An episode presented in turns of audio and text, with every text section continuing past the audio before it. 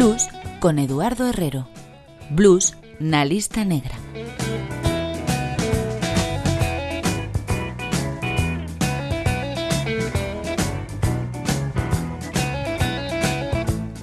Durante décadas, o blues foi a música dos afroamericanos, dos negros descendentes dos escravos. A música que identificaba unha raza condenada a un estrato social baixo, a unha vida dura e azarosa.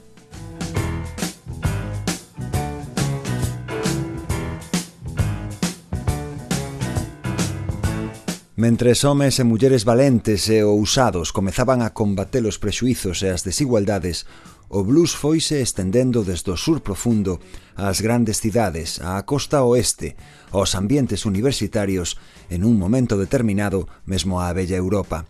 O protagonista hoxe no garito da música máis honesta que existe é unha das figuras capitais do blues británico que floreceu na década dos 60 do século pasado. Mestre de mestres, Aínda en activo os seus case 90 anos, a lista negra honrase en recibir un ilustre rostro pálido, John Mayo. A lista negra, os grandes do blues, en Radio Galega Música.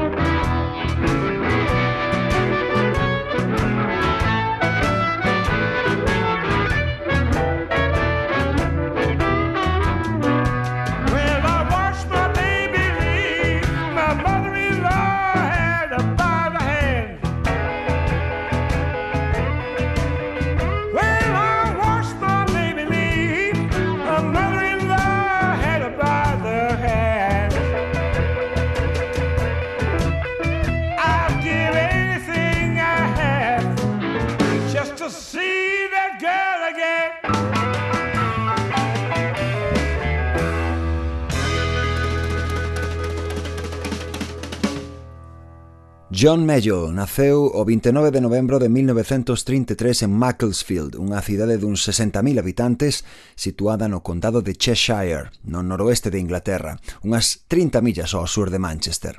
Seu pai, Murray, tocaba a guitarra e era un devoto do jazz e do blues, Desde que tivo uso de razón, na casa dos Mayo, no suburbio de Chiddlehalm, o pequeno John estivo exposto á música de artistas de comezos do século XX, como Eddie Lang, Led Belly ou Albert Ammons, entre outros. A súa innata curiosidade levouno a aprender a tocar pola súa conta a guitarra, o piano e a armónica. Música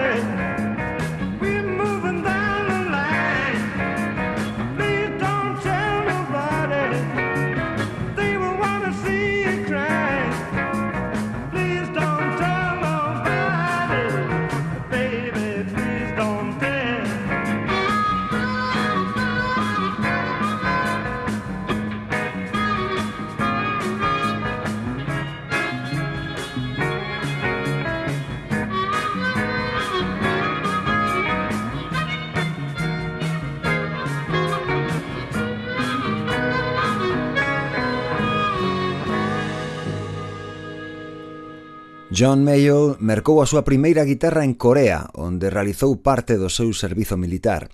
De regreso no Reino Unido, en 1956 formou a súa primeira banda, os Powerhouse Four. En 1962 incorporouse a outra formación chamada The Blues Syndicate, cos que se curtiu en garitos da escena jazz e blues de Manchester como Twisted Wheel. Foi daquela cando coñeceu a Alexis Corner, a quen tamén hei de incorporar á lista negra máis cedo que tarde. Alexis convenceu a John de se mudar a Londres para se dedicar á música de xeito profesional.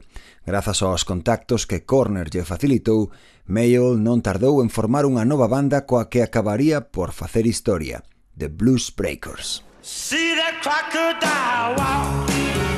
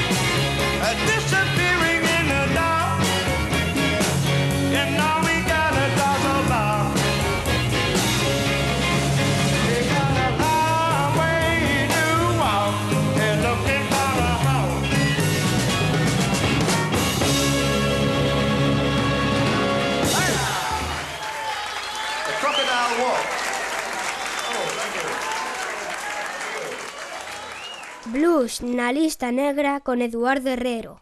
Crocodile Walk, a peza que acabas de escoitar, forma parte do álbum de debut de John Mayall grabado en directo na sala Klux Click de Londres o 7 de decembro de 1964. Tamén foi o seu primeiro single, sen o menor éxito comercial, iso sí.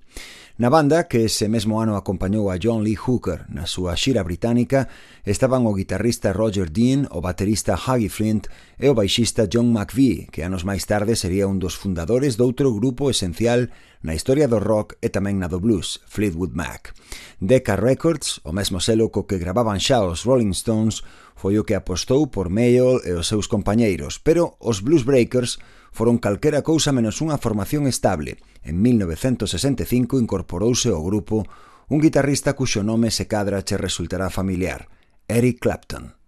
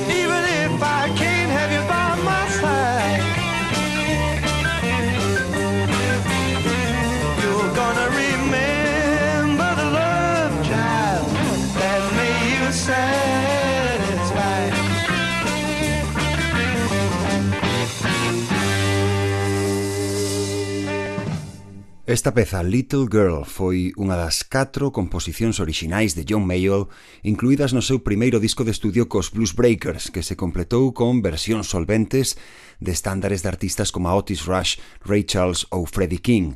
John McVie seguía ocupándose do baixo e Huggy Flint da batería, pero o LP grabado en Londres en maio de 1966 titulouse Blues Breakers John Mayall with Eric Clapton, deixando claro sobre que dous músicos estaban postos os focos. Coñecido popularmente como Deviano Album, foi aclamado pola crítica, supuxo o despegue da carreira do noso protagonista e a día doxe é un clásico indiscutible, un traballo seminal do que deu en chamarse blues rock. John Mayall encargouse das teclas, ademais de levar a voz cantante na meirande parte dos temas. Eric Clapton, que co paso dos anos acabaría sendo a imaxe máis icónica da Fender Stratocaster, usou neste caso unha Gibson Les Paul. A súa guitarra levou peso case todo o tempo. Na revisión do Rambling on My Mind de Robert Johnson, Mayall deixou que Clapton exercese por primeira vez como cantante solista.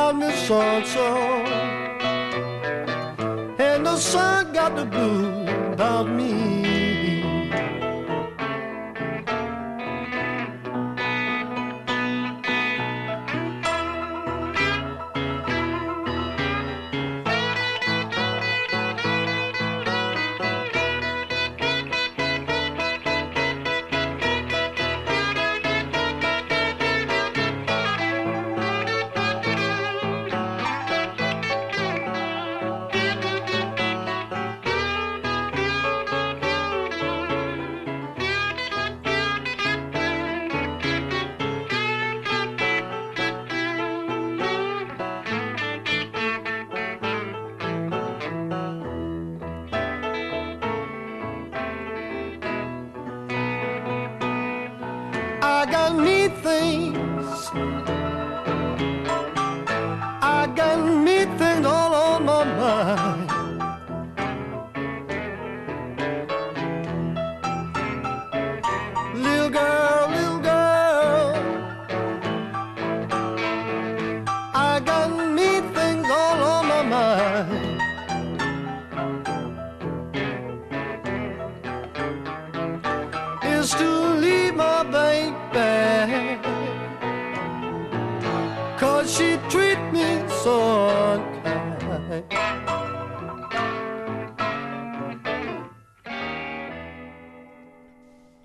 Eric Clapton era simplemente demasiado bo para estar na banda doutra persoa, na de calquera, e cando o disco chegou ás tendas a finais de xullo do 66, apenas dous meses despois de gravarse, Clapton estaba xa embarcado en Cream, o seu propio proxecto xunto ao baixista Jack Bruce e o baterista Ginger Baker.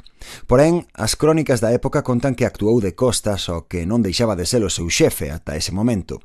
John Mayall non tardou en conseguir o mellor dos sustitutos posibles, Peter Green, outro guitarrista excepcional co que xa traballara con anterioridade. Green acabaría liderando a primeira etapa desa banda colosal a que antes me refería, Fleetwood Mac. Unha primeira etapa orientada ao blues sen complexo ningún. Pero antes de todo iso contribuiu a facer do seguinte álbum dos Blues Breakers outra exhibición exquisita de blues rock, A Hard Road, publicado en febreiro de 1967, que consolidou a John Mayall como o maior referente do xénero nas illas británicas.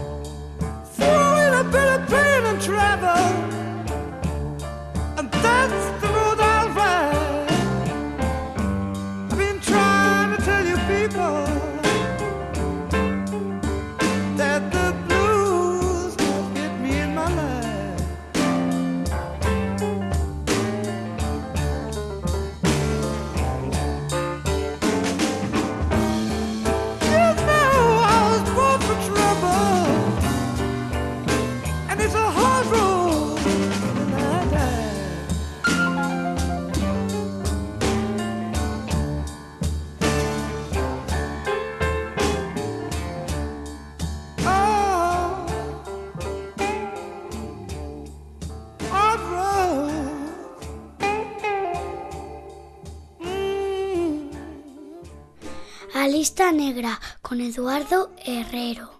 Como che comentaba, pouco despois de gravar a Hard Road, o guitarrista Peter Green tamén deixou os Blues Breakers para se embarcar en Fleetwood Mac, pero unha vez máis John Mayall soubo sacar un as da manga. Despois de publicar o irregular The Blues Alone, un novo traballo en que el mesmo tocou todos os instrumentos, agás as percusións, volveu meter os Blues Breakers no estudio de grabación, desta volta con Mick Taylor na guitarra solista. O primeiro contacto de Taylor coa banda de Mayall producírase dous anos antes, en 1965, cando o guitarrista tiña tan só 16 anos.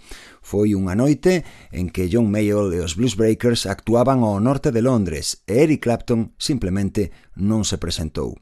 O grupo fixo o primeiro pase sen el e pro segundo, dado que a Les Paul de Clapton si estaba ali, Mayall preguntou se alguén na sala se atrevía a tocala. A pesar da súa idade, Taylor non se amedrentou e cumpriu con creces. John Mayall nunca esqueceu aquela noite e por iso apostou por Taylor para Crusade, outro LP redondo, outra pequena obra mestra en que destacaba este instrumental que asinaron conxuntamente e titularon Snowy Wood.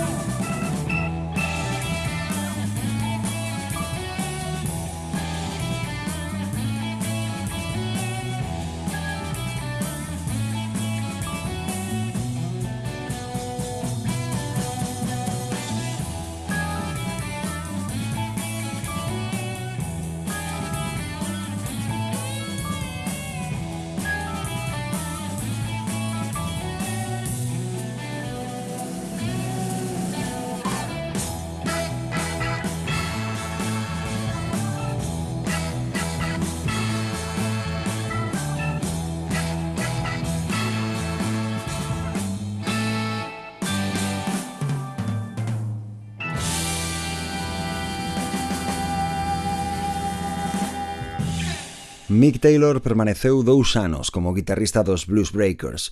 O primeiro pasaron os subidos aos escenarios de medio mundo, nunha xira da que saíron un par de discos en directo publicados o mesmo día de xaneiro de 1968. Pouco despois gravaron Bare Wires, o que sería o derradeiro disco de estudio en moitos anos en que John Mayall incluíu o nome da súa banda mutante. Malia que se vendeu ben, dividiu os críticos polo achegamento descarado ao jazz emprendido por Mayall, en particular na suite que ocupaba toda a primeira cara do vinilo, 23 minutos de duración. O caso é que a súa creatividade seguía desbordada, e antes de rematar o ano foi quen de publicar un novo LP, asinado xa en solitario, aínda que volveu contar con Taylor á guitarra e mesmo con Peter Green nun dos cortes do álbum titulado Blues from Laurel Canyon, estaba composto íntegramente por temas orixinais e inspirado pola fermosa zona de montaña próxima aos Ángeles, onde dúcias de músicos se instalaron naquela época, entre eles o propio Mayo pouco despois.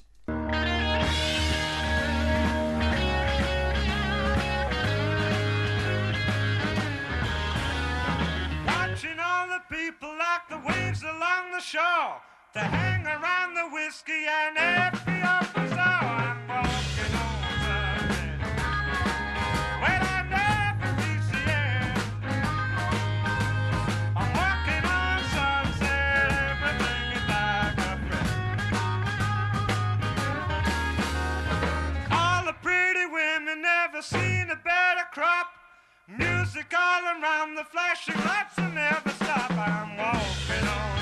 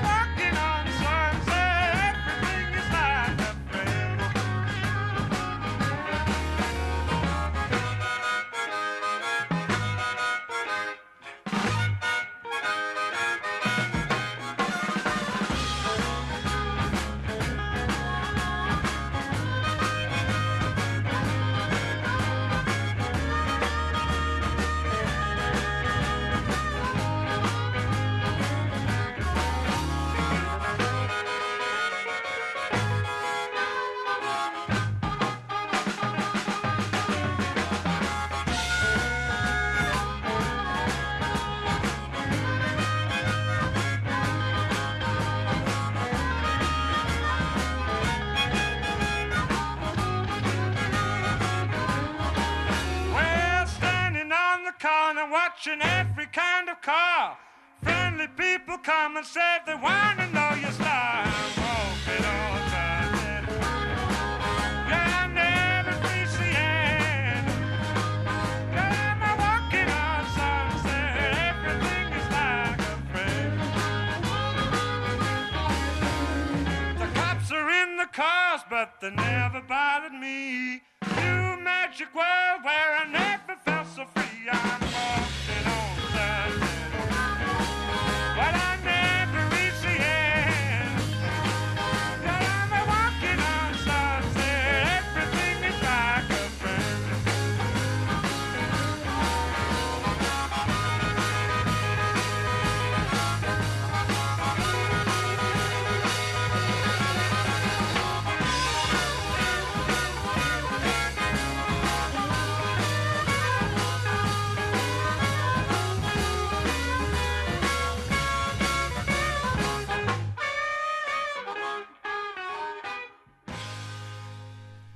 O seguinte paso na carreira de John Mayall foi un disco en directo pero con temas inéditos grabado no mítico Fillmore East de Nova York. Unha banda atípica e completamente nova, un guitarrista puramente acústico, John Mark, e instrumentos de vento que tocaba John Almond, pero sen máis percusión que algunha pandeireta puntual, o título do álbum era xa do máis revelador, The Turning Point, o punto de inflexión.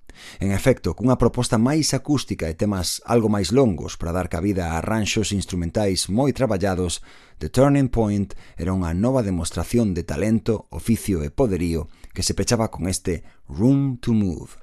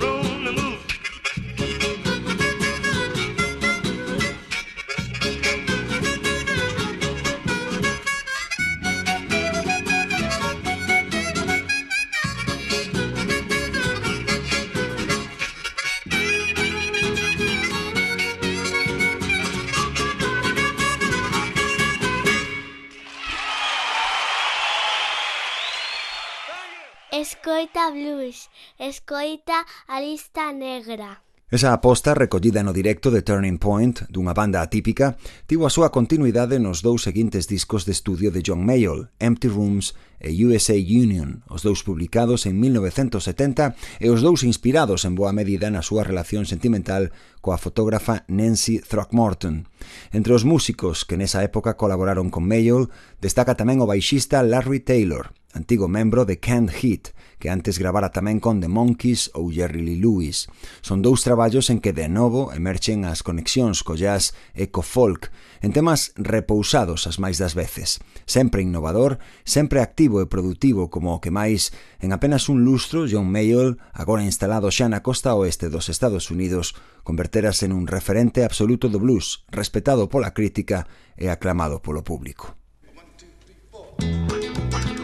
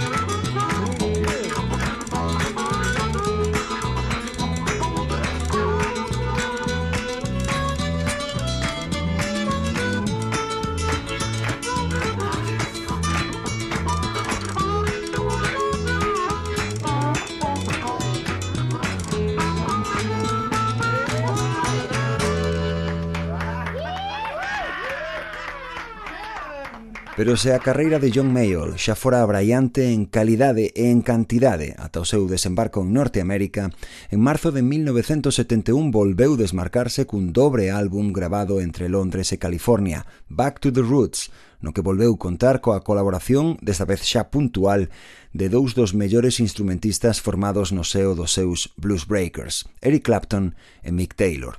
Dase ademais a circunstancia de que, daquela, os dous eran adictos á heroína, ata o punto de que Clapton abandonaba cada proxecto que emprendía aos poucos meses, como foi o caso de Blind Faith ou Derek and the Dominos, mentes que Taylor acabou deixando os Rolling Stones por ese mesmo motivo dous anos máis tarde. Porén, os dous responderon á chamada do seu bello mentor e deron o mellor de sí mesmos en temas como Accidental Suicide, en que tomando como exemplo a morte por sobredose de Jimi Hendrix, John Mayall semella dirixirse directamente aos dous guitarristas para lles advertir do perigo das drogas.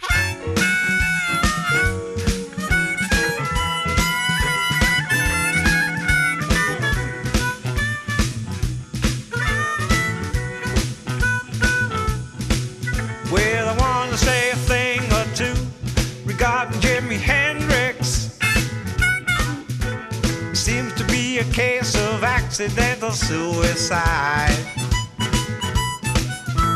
But out of all the sadness, did you stop to hear a warning? He had an overdose and never knew the way he died. Drugs may bring you joy, but the danger is that they destroy. So watch what you do, or you could be the next to go.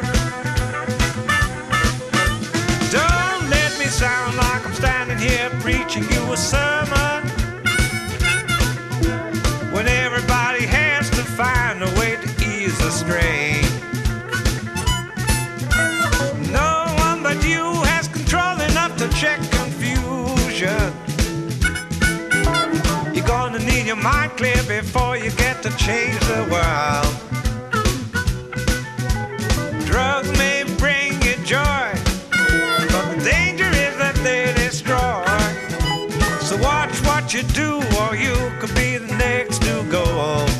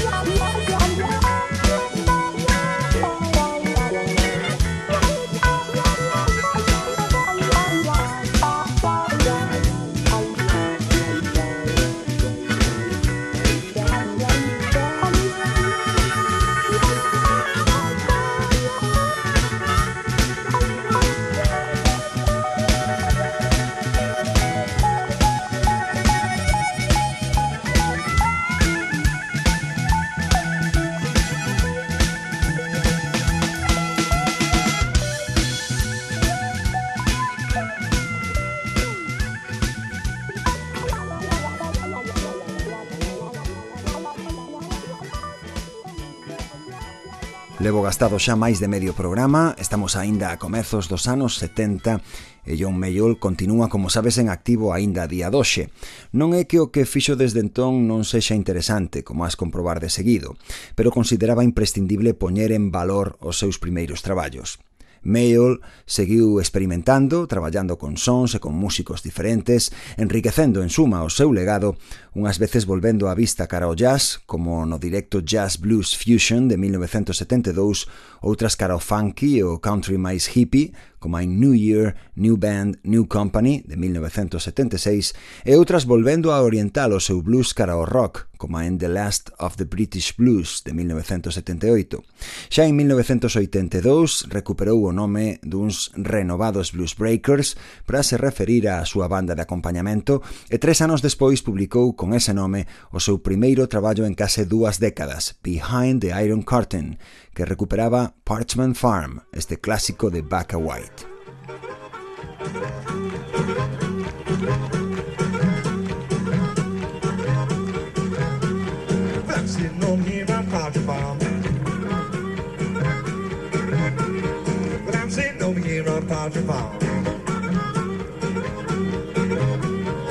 I'm sitting over here on Parchment Farm and ain't never did no man no harm.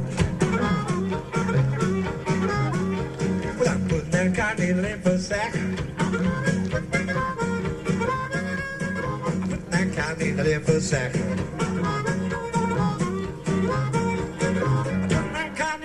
Sack, took that shotgun at my back. When I'm sitting over here on number nine,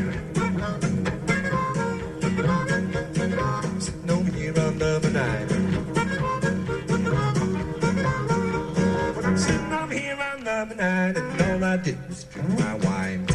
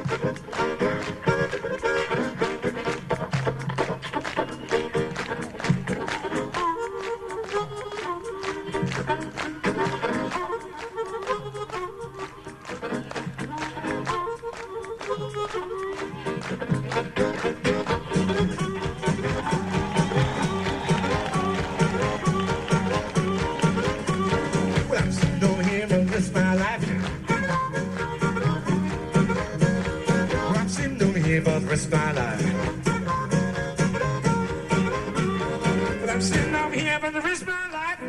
Did was shoot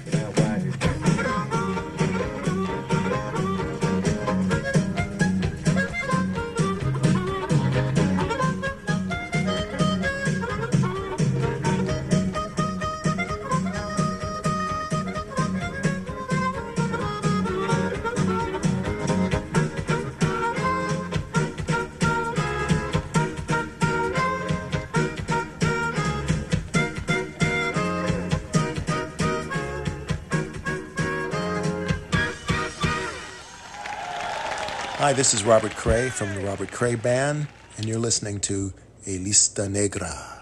Nestes últimos 40 anos de madurez artística, John Mayo reformou e disolveu os Blues Breakers varias veces máis, seguiu instruindo infinidade de músicos novos e reuniuse cos máis ilustres dos seus discípulos en ocasións sinaladas como o concerto polo seu 70 aniversario.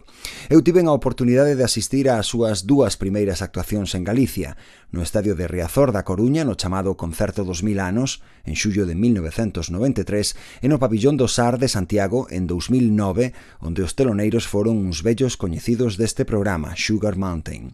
Volveu á Coruña en 2011 e en 2019 ano en que tamén tocou en Pontevedra e publicou a súa autobiografía Blues from Laurel Canyon.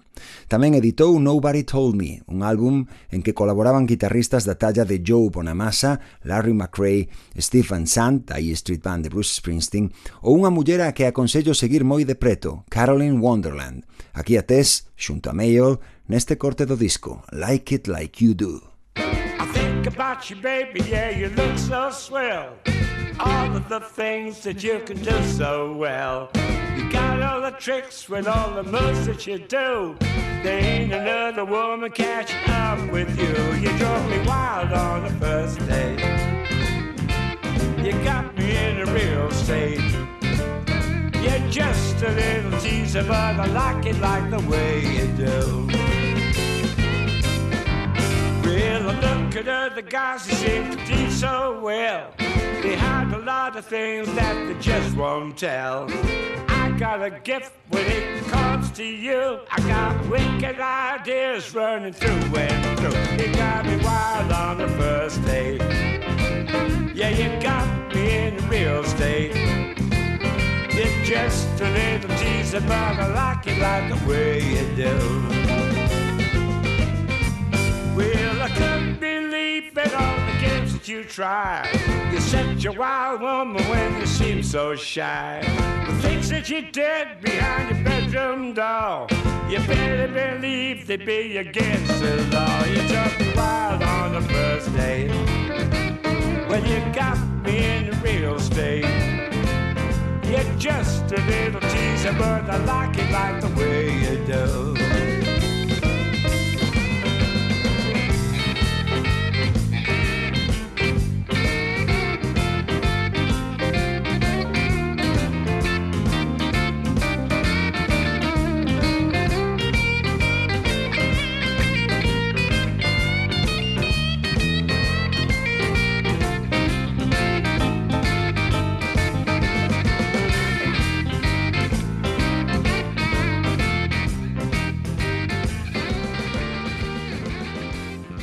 John Mayall segue dando guerra aos seus case 90 anos, tanto que aínda en 2022 publicou o que a día doxe é o seu último LP, The Sun is Shining Down.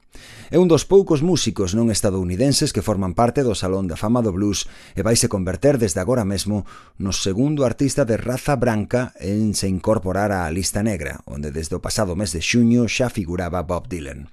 Porque John Mayall e historia viva da música máis honesta que existe.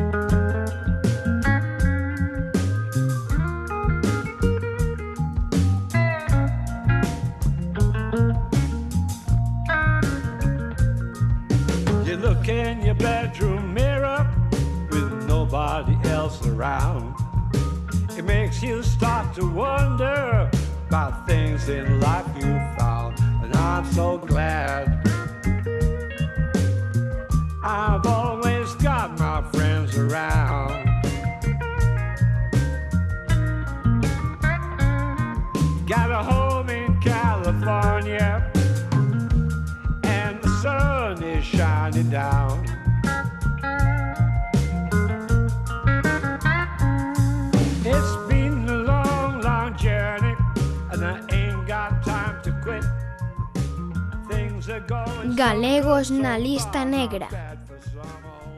E agora algo de blues facturado en Galicia para despedir, como é habitual, a lista negra, desta volta da man dunha das bandas esenciais, absolutamente imprescindibles na historia do rock galego, que aló polo ano 2000 publicaron un álbum, o un décimo da súa carreira, titulado La historia del blues. Faloche, claro que sí, de Siniestro Total, que nese traballo deixaron de lado o seu rexistro habitual e apostaron polo xénero que nos ocupa.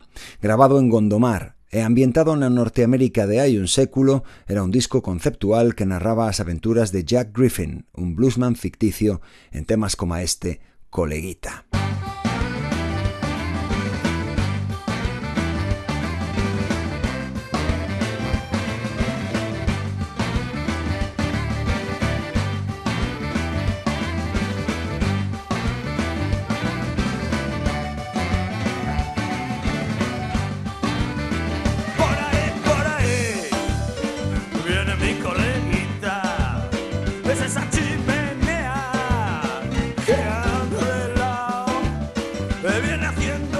Pois con Siniestro Total remata este episodio da lista negra que podes recuperar en radiogalegapodcast.gal, Spotify e iVox, igual que calquera dos anteriores. Tamén podes, debes seguir a lista negra en Facebook e Instagram e facerme saber se queres que o teu proxecto soe no programa. Eu son Eduardo Herrero e non has tardar en volver saber de min, porque cando xa non quede nada, o blues seguirá aí. Lustros.